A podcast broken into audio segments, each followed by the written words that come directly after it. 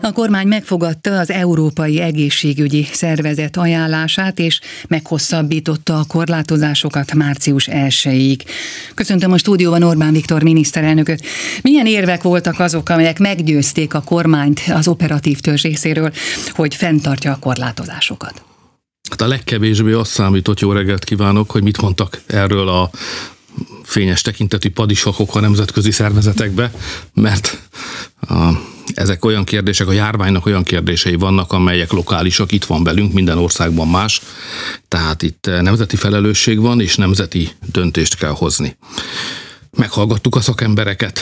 Tehát én is úgy vagyok, mint ön, vagy bárki más, hogy szabadulnék már. Ez a fél rab, vagy fél szabad élet, hogy este nyolckor haza kell menni, meg tíznél többen nem jöhetünk össze, és be vannak zárva az éttermek, meg a, egyáltalán a társadalmi életnek a szinterei. Ez az ilyen magunkfajta polgári kultúrájú országokat, mint Magyarország, ahol a közösségi társadalmi élet az kiszakíthatatlan része az értékes életnek, a teljes életnek. Szóval bennünket ez megvisel. Úgyhogy fájó szívvel kellett igazat adnom a járványügyi szakembereknek, akik azt mondták, hogy eh, nézek körül Európában, és azt fogom látni, hogy eh, számos helyen inkább szigorítanak. Tehát eh, ne áldozzuk föl, mondták ők, azt a három hónapos eredményt, amit eddig elértünk, hiszen három hónapja konzekvensen, logikusan, rendíthetetlenül, lényegében ugyanazt a korlátozás rendszert tartjuk fönn, lecseréltük a korábbi szabad életünket egy félszabad másik életre, most e szerint élünk, ha túl korán mozdítjuk el a korlátozásokat, akkor semmibe hullik mindaz, amit közösen három hónap alatt elértünk. Tehát figyeljünk egymásra, vigyázzunk egymásra, minden élet számít, most még az óvatosságé a főszerep, akkor is, ha már mindannyian vágjuk a centit. És látni a példát, ugye Nagy-Britanniában vagy éppen Portugáliában, ahol az ünnepekre egy kicsit enyhítettek, most újra nagyon nagy baj van. Nincs hely a kórházakban, látjuk erről a képeket, de fölmerül az emberben, hogyha csak egy picit lehetett volna enyhíteni, mondjuk az edzőtermeket ki lehetett volna nyitni, azt azért nem lehet megtenni, mert akkor meg az éttermek megharagszanak, hogy ők miért nem nyithatnak ki? Hát az is fontos, hogy ki miért haragszik meg, de itt emberéletekről van szó. Minden nap el tudunk veszíteni 100-200 ember, tehát, és hogyha rosszul csináljuk, akkor még többet is. Tehát itt a harag, meg az indulat, meg az érzések másodlagosak szerintem a hideg észszerűséghez képest és hát egy vezetőknek azok, az is a felelőssége egyébként, amikor mindenki ideges, már mindenkit az érzelmei vezetnek, meg elragadnak az indulatai, a döntéshozóknak akkor kell a leghidegebbnek, a legnyugodtabbnak, csigavérrel dolgozóknak maradniuk, hogy jó döntést hozzanak.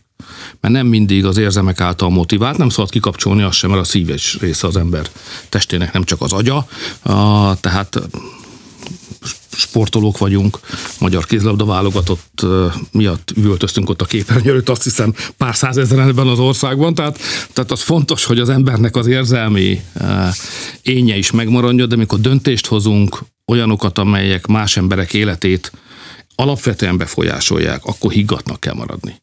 Tehát nem az a döntő érv, hogy majd ki fog megharagudni, hanem az, hogy mi az, ami a járvány terjedését elősegíti, és mi az, ami akadályozza. A, sokan mondták azt is például, hogy most a 8 óra helyett akár 10 órakor is beállhatna a kiárási tilalom, lazíthatnánk. Én azonban azt mondom, hogy most dolgozzunk a vakcina beszerzésén, ne hatalmasodjon el rajtunk az az érzés, hogy most már fokozatosan, de vissza fogunk térni a normális életünkhöz, mert nem tudjuk, hogy lesz-e elég vakcina, és hogy a harmadik hullám a körülöttünk lévő országban hogyan szabadul el, és hogyan hat ránk, és akkor lesz egy hatalmas csalódás, hogy úgy éreztük, hogy már a nyitás útján vagyunk, és mégsem tudunk tovább lépni, vagy esetleg vissza kell lépni.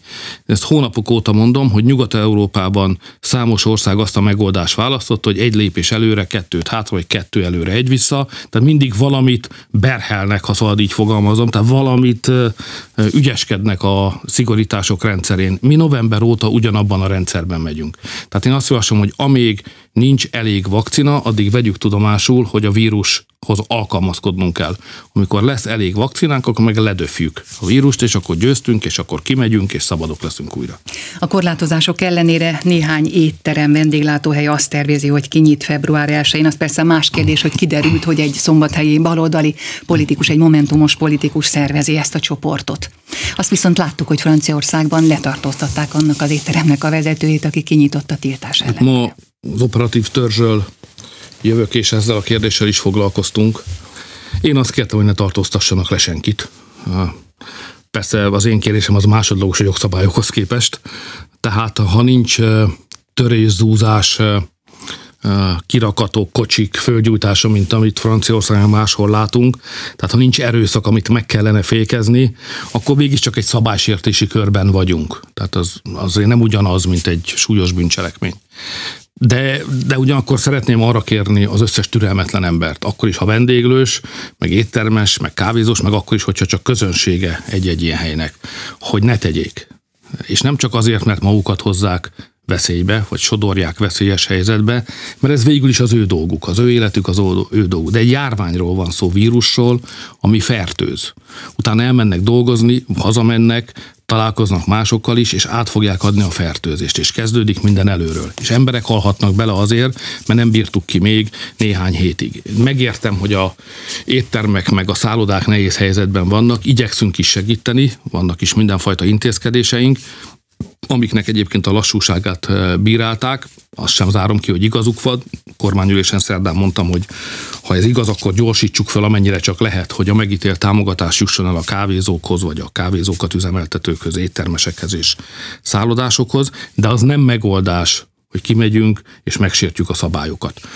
Egyértelműek a szankciók, tehát ha ha valaki ezt elköveti, akkor 150 ezer és 1 millió forint közötti bírságot fog kapni akkor is, ott helyben nem igazoltatják, mert a modern technika körülményei közepette a személyek beazonosítása ilyen jogsértés esetén nem leküzdhetetlen feladat. Tehát mindenki tudja azt, előre mondom, kérve őket, hogy ne tegyék, ha mégis erre a döntésre jutnak, akkor 150 és 1 millió forint között fognak fizetni azok, akik megsértik a szabályokat. Akik pedig működtetik ezeket az éttermeket, azokat be fogjuk zárni. Először fél évre, nincs rövidebb, fél évre, és ha megismétlődik, akkor egy évre. És akik pedig működtetik ezeket az ételeket, azokat el fogjuk tiltani a foglalkozástól fél évre, illetve egy évre. Higgyék el, nem éri meg. Az biztos, de ők azt mondják, hogy a bértámogatás az egy jó dolog, csak a 27 milliárdos keretből a hányan igényelték, még csak 7 milliárdot fizettek ki a kormányhivatalok, hogy ezt valóban lassúnak tartják, és attól félnek, hogy nem jön meg a támogatás. Igen, de bízzanak... Bár jól tudom, hogy fél, február 8-áig még be lehet adni az Igen, igényt, de bízzanak ugye? bennünk, meg fog érkezni. Én is megkaptam ezt a levelet, amiben ezt írják. Kormányülésen határozott döntést hoztunk az eljárás fölgyorsításáról. Bízom benne, hogy tartani is tudjuk a szavunkat. Tehát bízzanak bennünk, a nekik jár összeget meg fogják kapni a gazdaság eh, mikor tud újra indulni. Hát jók ezek a foglalkoztatási adatok, amelyek most kijöttek decemberre, mert látjuk, hogy novemberről decemberre négyezerrel többen dolgoznak. De ott a kérdés, hogy azért mégiscsak kellene egy löket a gazdaságnak, hogyha felszabadul. Igen, de minden a vakcinán múlik itt is. Tehát bármennyire is meglepő, a gazdaság eh, kulcskérdését is vakcinának hívják.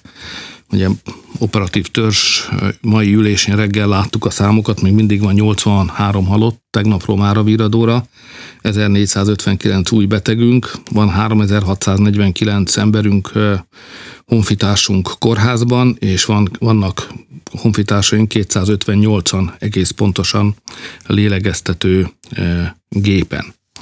A, most az, az, az oltás jól halad, már az egészségügyi dolgozókkal végeztünk. A szociális otthonokban lévők, illetve ott élők, illetve az őket gondozók, ápolók beoltása történik most, és a hét végéig ezzel végzünk is. Talán ez egy jó pillanat, hogy köszönetet mondjak egyébként a szociális ágazatban dolgozóknak, mert mindig csak az ápolónőkről, meg a orvosokról szoktunk beszélni, indokoltan beszélünk róluk, de indokolatlanul szoktunk elfeledkezni arról, hogy mennyi ember dolgozik. Egyébként nagy szívvel és odaadással nehéz helyzetben lévő szociális otthonban élő honfitársainkat megsegítendő. És őket, nekik az ott dolgozóknak is jár a kalapemelés meg az elismerés, ezért is vettük őket előre az oltás, oltási tervben, és vasárnapig végzünk. És egy teljesen új szakasz indul, ez a gazdaság szempontjából is fontos, mert jövő hét elejétől megkezdődik a regisztráció alapú oltás. Tehát most az jön, hogy akik regisztráltak, azokat be tudjuk oltani. Ott is van egy sorrend, hogy a legidősebbekkel kezdünk, krónikus betegek és így tovább, de az, a lényeg az az, hogy eddig oda mentünk a kórházakba, oda mentünk az szociális otthonokba, és aki jelentkezett ott helyben mindenkit be tudtunk oltani, mert mindenki egy helyen lakott vagy dolgozott. De mostantól ennek vége van, ugye vagyunk 10 millióan, élünk, ahol élünk, azokat tudjuk behívni oltásra, akik jelentkeztek oltásra. Tehát mindenkit kérek, hogyha be akarja magát oltatni, az oltás egyébként önkéntes és ingyenes, az regisztráljon, mert ha nem regisztrál, nem tudjuk, hogy ő be akarja magát oltatni, nem kap értesítést, levelet, telefonhívást, de a jövő héttől, aki regisztrált, ezt mind megkapja, és tudni fogja, hogy mikor, hova, hány órára, melyik napszakra legalábbis érdemes mennie, mert ott kaphatja meg az oltást. Ez egy új szakasz. Nagy kérdés, hogy hányan regisztráltatják majd magukat. Most két millió környékén vagyunk, mindannyian tudjuk, hogy ez kevés ahhoz, hogy az egész társadalom védetté váljon, ezért mindenkit bíztatok, hogy oltassa be magát, illetve regisztráljon. Én is be fogom magam oltatni, rám is sor kerül majd. Szoktak kérdezgetni, megvárom egyébként a kínai vakcinát, én abban bízok a legjobban, de nem vagyunk egyformák, mások meg másban bíznak. Ugye gyerekkorunkban a szovjet vakcinákkal oltottak bennünket, ezért van, aki az oroszba bízik, van, aki meg ha a vakcinára gondol is ideológia gondolkodik, neki nyugati kell és nem keleti. Én úgy vagyok vele, hogy ezt a, ezt a vírust a kínaiak ismerik legrégebb óta, ezért abból indulok, hogy valószínűleg ők is tudják róla a legtöbbet. Úgyhogy én megvárom a soromat, és ha választatok majd, akkor kínai vakcinát kérek fontos a regisztráció. Azért vannak olyanok, például a gyöngyösi polgármester, aki nem is volt regisztrálva, meg nem is került még rá a sor, de már január elején titokban beoltatta magát. Erről mi a véleménye? Senki se boldog ettől. Én megértem, hogy mindenki félti az életét, meg biztonságba akar kerülni, tehát itt azért mégiscsak egy olyan elemi emberi ösztönről van szó, amit az ember megért de azt is meg kell értenünk, hogy vannak, akik meg még nálunk is nehezebb helyzetben vannak. És akik még nálunk is nehezebb helyzetben vannak, azokat illendő, helyes, sőt jogilag is kötelező előre engedni. Tehát mindenkit arra kérek, hogy bármennyire is aggódik a saját maga vagy a szerettei személyes életéért, próbálja elfogadni azt a rendet, hogy miután nincs elegendő vakcina, ezért valamilyen sorrendet ki kell alakítani. És ott nem véletlen a kormány is dönthetett volna úgy, volt ilyen ország, hogy első helyen oltatja be magát. De az milyen dolog lett volna? részben gyáva, részben meg rossz példát adtunk volna. Ezért a kormánytagoknak is ki kell várni a sorukat, majd amikor a rendőrök meg a katonák jönnek, vagyis a védekezéshez szükséges döntéshozóknak a sorrendjéhez elérkezünk, az ő kategóriájukhoz, akkor fognak majd bennünket beoltani. A 60 évnél idősebb krónikusokat mindenképpen magunk elé kell engedni. Úgyhogy mindenkitől azt kérem, hogy ne legyenek kilengések, hanem próbáljuk elfogadni ezt a nagyon nehéz helyzetet. És én megértem, mert egy-két napon múlhat az ember élete is. De mégis van egy rend, és arra gondoljunk, hogy vannak nálunk nehezebb helyzetben lévő magyar emberek. És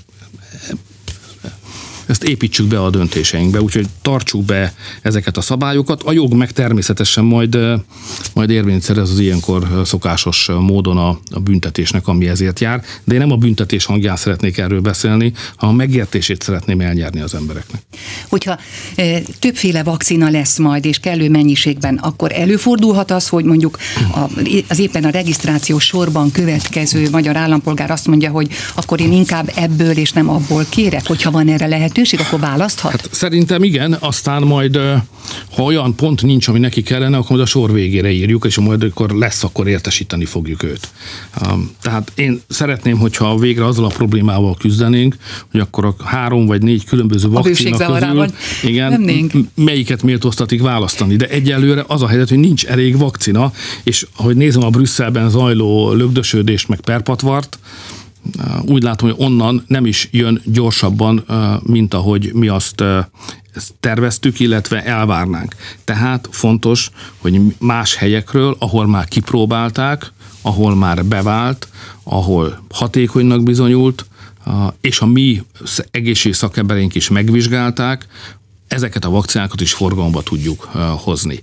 Ugye, számomra a leginspiráló példa a Szerbia, mert Szerbia itt van a hónunk alatt, a határ mellett, tehát ez egy szomszédos államunk, akik egyébként ráadásul szívbéli jó viszonyt is ápolunk, nem csak észszerűen működünk együtt, hanem most már ezen is túllépett a két ország együttműködése, már érzelmi tartalma is van, azt hiszem, hogy a lassan, de a szimpátia is visszaépül, ezért őket mindig kitüntetett figyelemmel követem, és azt látom, hogy ott kínai vakcinával is oltanak. Ha jól látom, az egész európai oltási teljesítmény szempontjából az első, másik vagy harmadik helyen vannak. Ugye uniós ország nincs az első között, mert mi az unióhoz tartozunk, de akik kívül vannak és maguk intézték a saját ügyeiket, ők jól állnak, és Szerbe is nagyon jól áll. Ebből ugye két dolog következik. Először is az, hogy Szerbe egy komoly ország meg tudta szervezni a saját ellátását, jobban, mint ahogy azok szervezték meg, akik az Unióhoz tartoztak. Másfelől ez most nem jó szó a laboratórium, de lényegében mégiscsak arról van szó, hogy ez egy előszoba, kipróbálják nekünk, ha szabad így fogalmaznom, azokat a vakcinákat, amiket, amikkel szemben nekünk még fenntartásaink vannak. Tehát én minden nap külön jelentést kérek arról, hogy Szerbiában hány embert oltottak meg, oltottak be, volt-e abból vaj, mi van a magyarokkal, hiszen ott magyarok élnek, tehát a magyarok is kapták az oltást, nekik személyesen mi a tapasztalatuk, és ezt be kell majd építeni az itteni döntéshozatalban. Mindig a tapasztalat a legértékesebb tudás. Éppen néhány perccel ezelőtt még a stúdióba ért éppen magyar kanizsáról volt egy összeállítás, és pont erről, hogy ott 600-an kérték, és 133-an kérték a Pfizer vakcináját, és 250-en vagy 500-an meg, meg a, a kínait kérték. Hát az elfelejtsük el, hogy Szerbia korábban Jugoszlávia része volt, és ugye mi a titót láncos kutyának hívtuk innen, a hivatalos kommunista szöveg ez volt, ami azt jelentette, hogy ugyan kommunisták voltak ott Jugoszláviában is, de nem adták be a derekukat föltétel nélkül Moszkvának szemben a magyar helyzettel. Mindig is külön utasok voltak. Tehát ezért az a gondolat, hogy a nyugat jó, a kelet rossz, mint ahogy Magyarországon, különösen az 56-os forradalom következtében teljesen automatikus gondolat. Már rég fölírta azt a tényt, hogy a második világháborúban az angol szászok bombázták le Budapestet, mert ugye ez a helyzet, de ezt már ezt fölírta ezt a tényt az, hogy 56-ban meg a világháború végén először megszálltak az or- a szovjetek, majd 56-ban még egyszer. Ezért nálunk van egy reflex, hogy nem túl kifinomul, de érthető, hiszen tapasztalatból építkezik, a nyugat alapvetően jó, a kelet alapvetően veszélyes vagy. Na most a külön úton járó Jugoszláviában ez sose volt így ez a gondolat, mert ők saját nemzeti alapon álltak, az azt mondták, hogy van, amiben a nyugat jobb, van, amiben a kelet, ők utazhattak is, ha emlékszik rá, még amikor én fiatal voltam, Nászútra is oda mentünk, az olyan félnyugat volt, tehát ezért a szerb emberek gondolkodása kelet-nyugat összefüggésben más természetű, mint a miénk, mert más a történelmi hátterük. De mikor jöhet a kínai és az orosz vakcina Magyarországra? Itt van előttem egy táblázat, ezzel fekszek, ezzel kelek, ami azt tartalmazza, hogy melyik héten mennyi leszerződött vakcinánk van, mennyi fog beérkezni, és milyen más beszerzési források állnak még nyitva.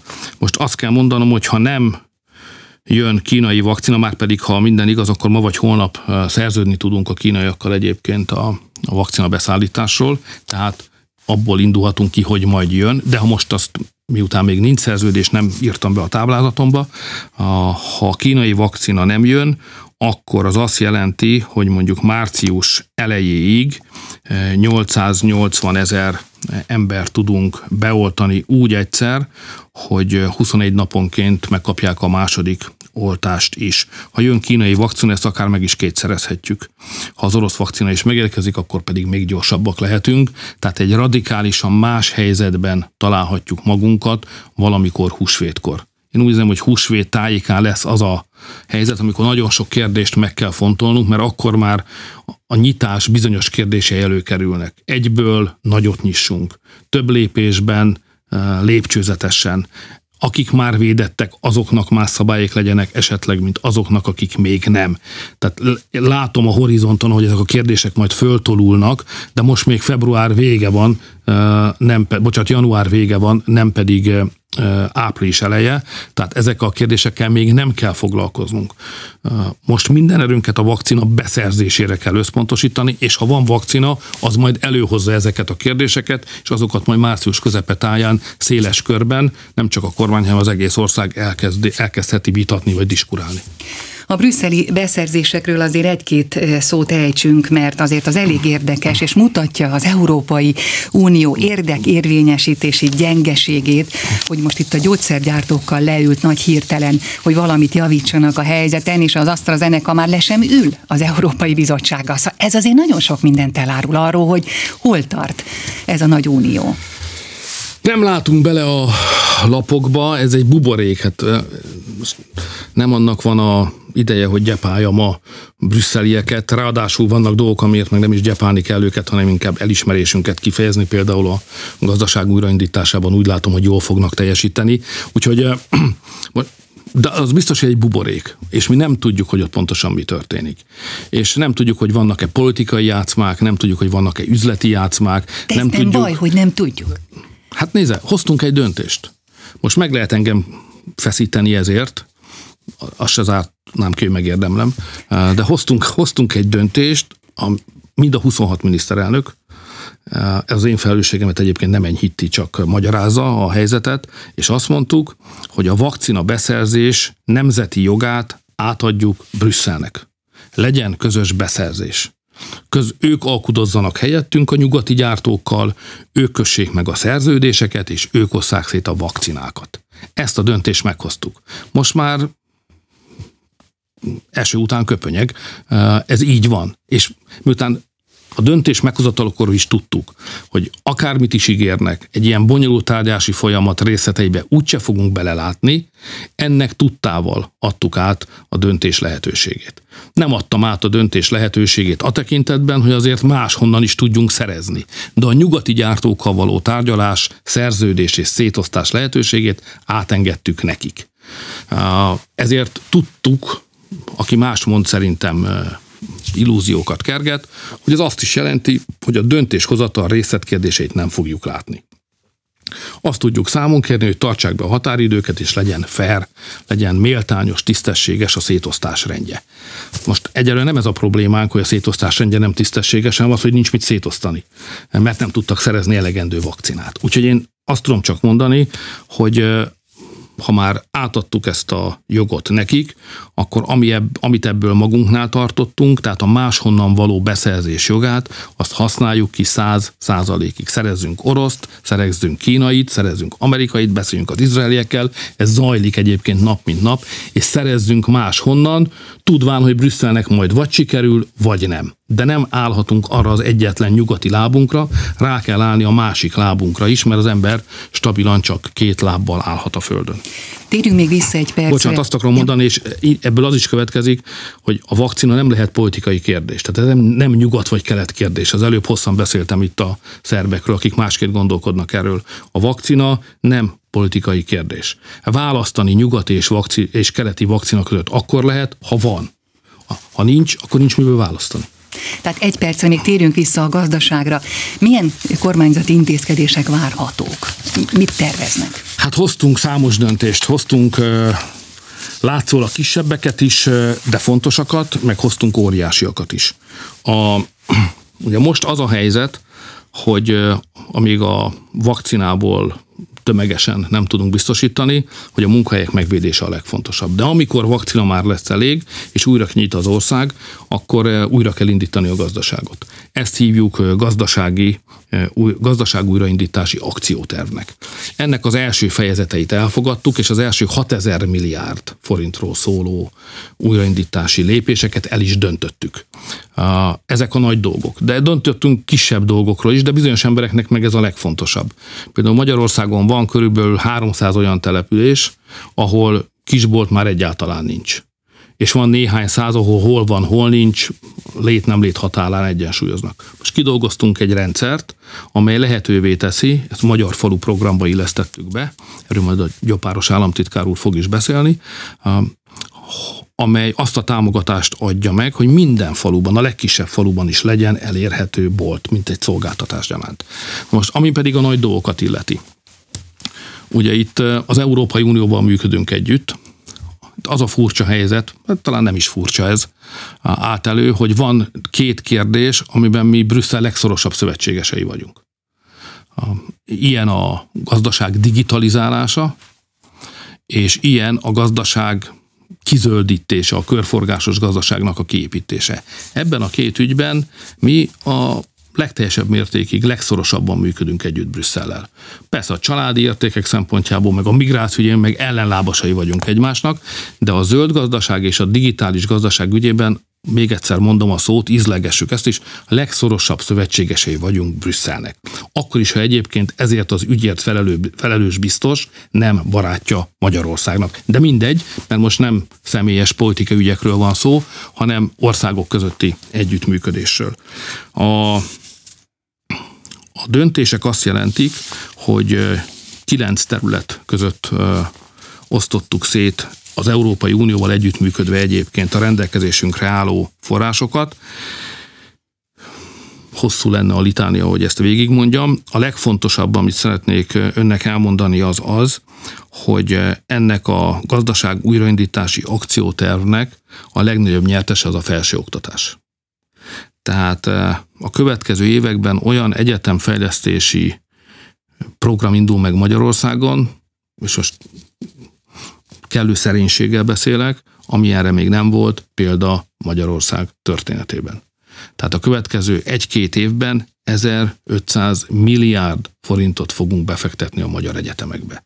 Ezért is javaslom mindenhol, hogy fontolják meg az egyetemek működésének hatékonyabb átételét, korszerűsítését, ezért javaslom a modellváltást, minden egyetem majd maga dönt erről, de akarjanak benne részt venni, mert a mostani teljesítmény szinten az ide befektetett összeg csak kismértékben fog megtérülni. Egy ekkora összeget jól felhasználni akkor tudnak az egyetemeink, ha sokkal hatékonyabbak lesznek, mint most és ez egy történelmi esély Magyarország számára, úgyhogy a legnagyobb beruházás az egyetemeink irányába megy. Nagyon bízom benne, hogy a következő évtized igazi nagy lokomotívaja a gazdaságot meghúzni, megrántani, előrevinni tudó szektora az éppen a tudomány, a kutatás és a felső oktatás lesz. Persze ezen kívül még csináljuk a áfa csökkentést a lakásépítésnél, adunk 3 millió forint támogatást mindenkinek, aki a lakását fel akarja újítani, és a családját akarja ezzel segíteni, adunk kedvezményes hitelt is ehhez, tehát sok mindent csinálunk a nagy projektek digitalizálás, zöld gazdaság és egyetemeken kívül is. Tele van a mind a két kezünk munkával. A következő hetekben a következő több ezer milliárd forintnyi fejlesztésről fogunk majd dönteni. Szerencsénk van, mert a parlamentben az elmúlt években folyamatosan ilyen vitákat vívtunk. Jól kitárgyaltuk ezeket a kérdéseket, hiszen a zöld gazdaság kérdése, a körforgás, a klímaváltozás, a magyar gazdaság modernizáció folyamatosan terítéken volt. Tehát képesnek érzem magunkat, magamat arra, hogy egy nagyjából közakaratnak tekinthető módon tudjuk felhasználni az előttünk álló időszakban Magyarország rendelkezésre álló forrásokat, amiket egyébként az Európai Unióval, Unióval közösen fogunk majd felhasználni. Köszönöm. Orbán Viktor miniszterelnököt hallották.